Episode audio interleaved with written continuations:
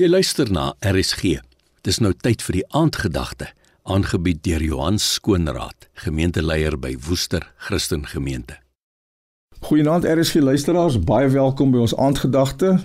Dikwels word die persepsie gehandhaaf dat in ons dag en tyd die wêreld aan die jonger generasie behoort. Senior burgers, selfs middeljariges is uit. Modes en advertensies is op jong mense gerig en werksgeleenthede word meestal vir hulle gereserveer. Ouer mense se lewenservaring, wysheid, kundigheid tel kwansies nie veel nie. Jeugtige energie, ondernemingsgees, avontuurlustigheid en dryfkrag is eerder in aanvraag en die wanpersepsie bestaan dikwels ook dat die eienskappe uitsluitlik by die jonger geslag aangetref word. Ongelukkig lei dit daartoe dat ouer mense in ons samelewing soms waardeloos, nutteloos en oorbodig voel. Maar kom ons kyk gou na wat die woord van God hieroor sê. In Lukas 2 lees ons van die 84-jarige profetes Anna.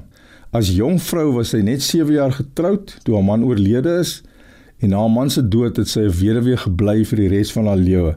Sy het egter nie toegelaat dat haar weduweeskap haar vereensaam nie. Sy het nie van die tempel of die kerk weggebly nie.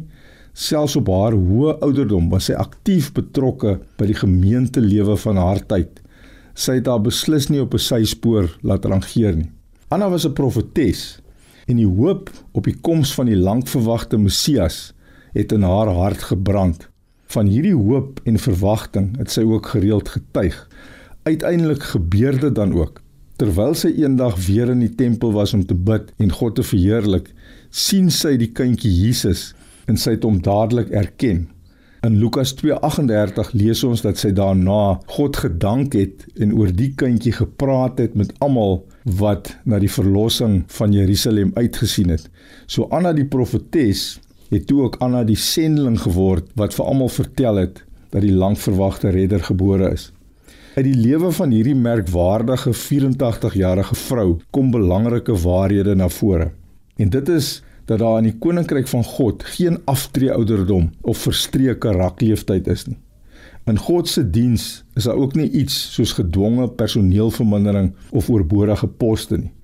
Senior burgers is kosbaar en waardevol vir hom en in die koninkryk is hulle wysheid, lewenservaring en vaardigheid goud werd. Om nie eens te praat van die impak wat hulle bloot deur hulle voorbeeld en voorbinding op die mense om hulle het nie.